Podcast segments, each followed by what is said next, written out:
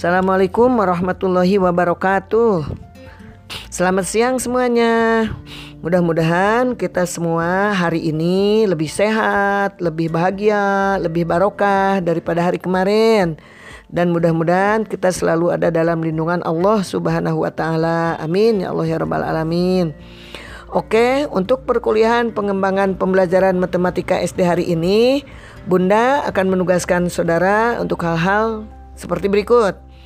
Satu, setiap kelompok mulai hari ini harus melakukan pengkajian atau mempelajari materi kelompoknya sesuai yang sudah kita tentukan dengan menggunakan sumber kajian yang relevan atau yang tepat.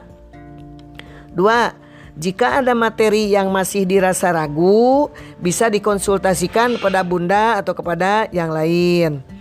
Tiga, minggu depan tuh mulai presentasi materi dari setiap kelompok. Nah, nanti dengan urutan tampil itu diundi. Nah, di sini PJ yang ngatur. Udah jelas, perkuliahan atau tampilannya kita nanti melalui Google Meet, ya. Yang keempat, siapkan materi presentasi misalnya dengan menggunakan PowerPoint atau yang lainnya. Dengan catatan materi di-share di grup.